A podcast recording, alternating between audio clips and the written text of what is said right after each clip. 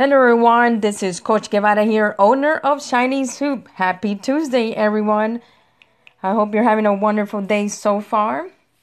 To all the soccer fans, today is the game France versus Belgium.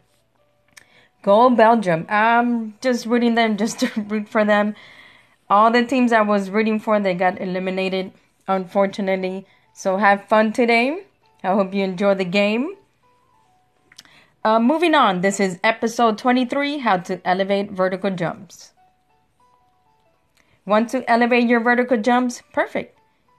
I'm going to tell you guys a few workout drills on how to elevate vertical jumps. Three essential exercises to elevate your game by doing power jumps, high knee jumps, and frog jumps. Furthermore, doing these exercises four times a week, it will enhance your vertical jumps, also elevate your layups and dunks. All three drills will not only work for basketball players but also for volleyball players. I root for any sport, so I'm a fan of every single sport. As a result, once it is up to par, keep mastering your skills. Keep working at them. Just because you master them, please don't put it under the rug. Keep having fun and practice as if you're going to play in a game. Here are a few examples of all three exercises.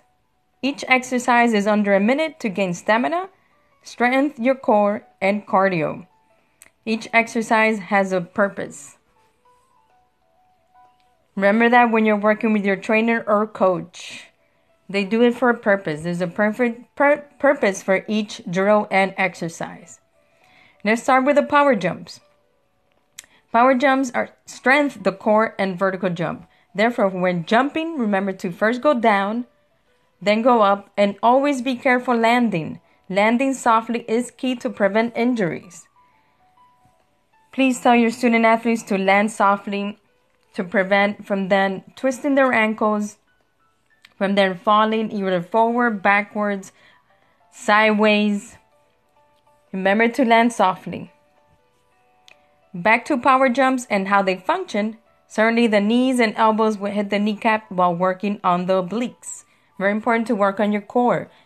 It's great for balance when you're shooting, great for balance when you're rebounding, great for balance when you're you're about to do a layup or dunks.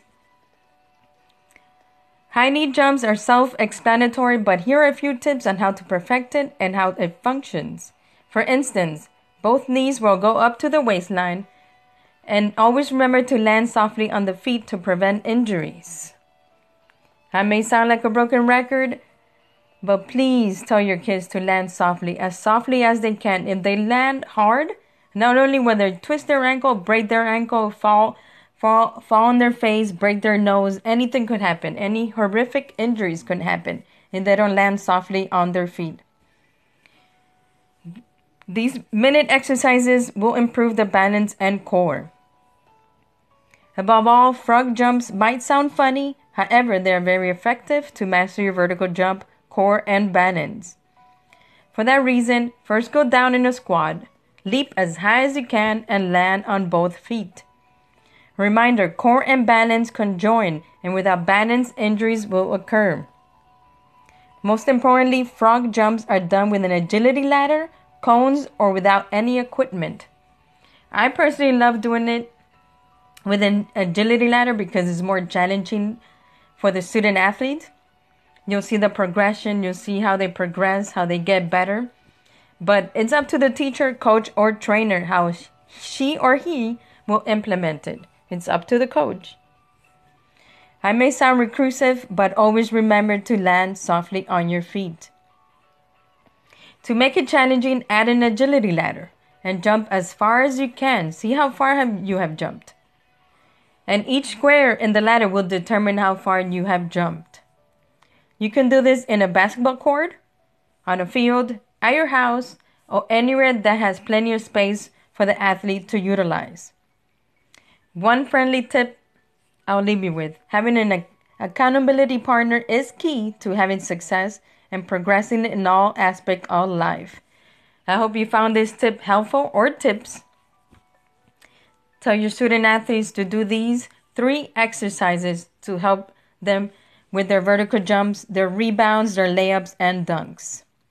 This is Coach Guevara, owner of Shiny's Hoop. Enjoy your day, enjoy the game. I'm out.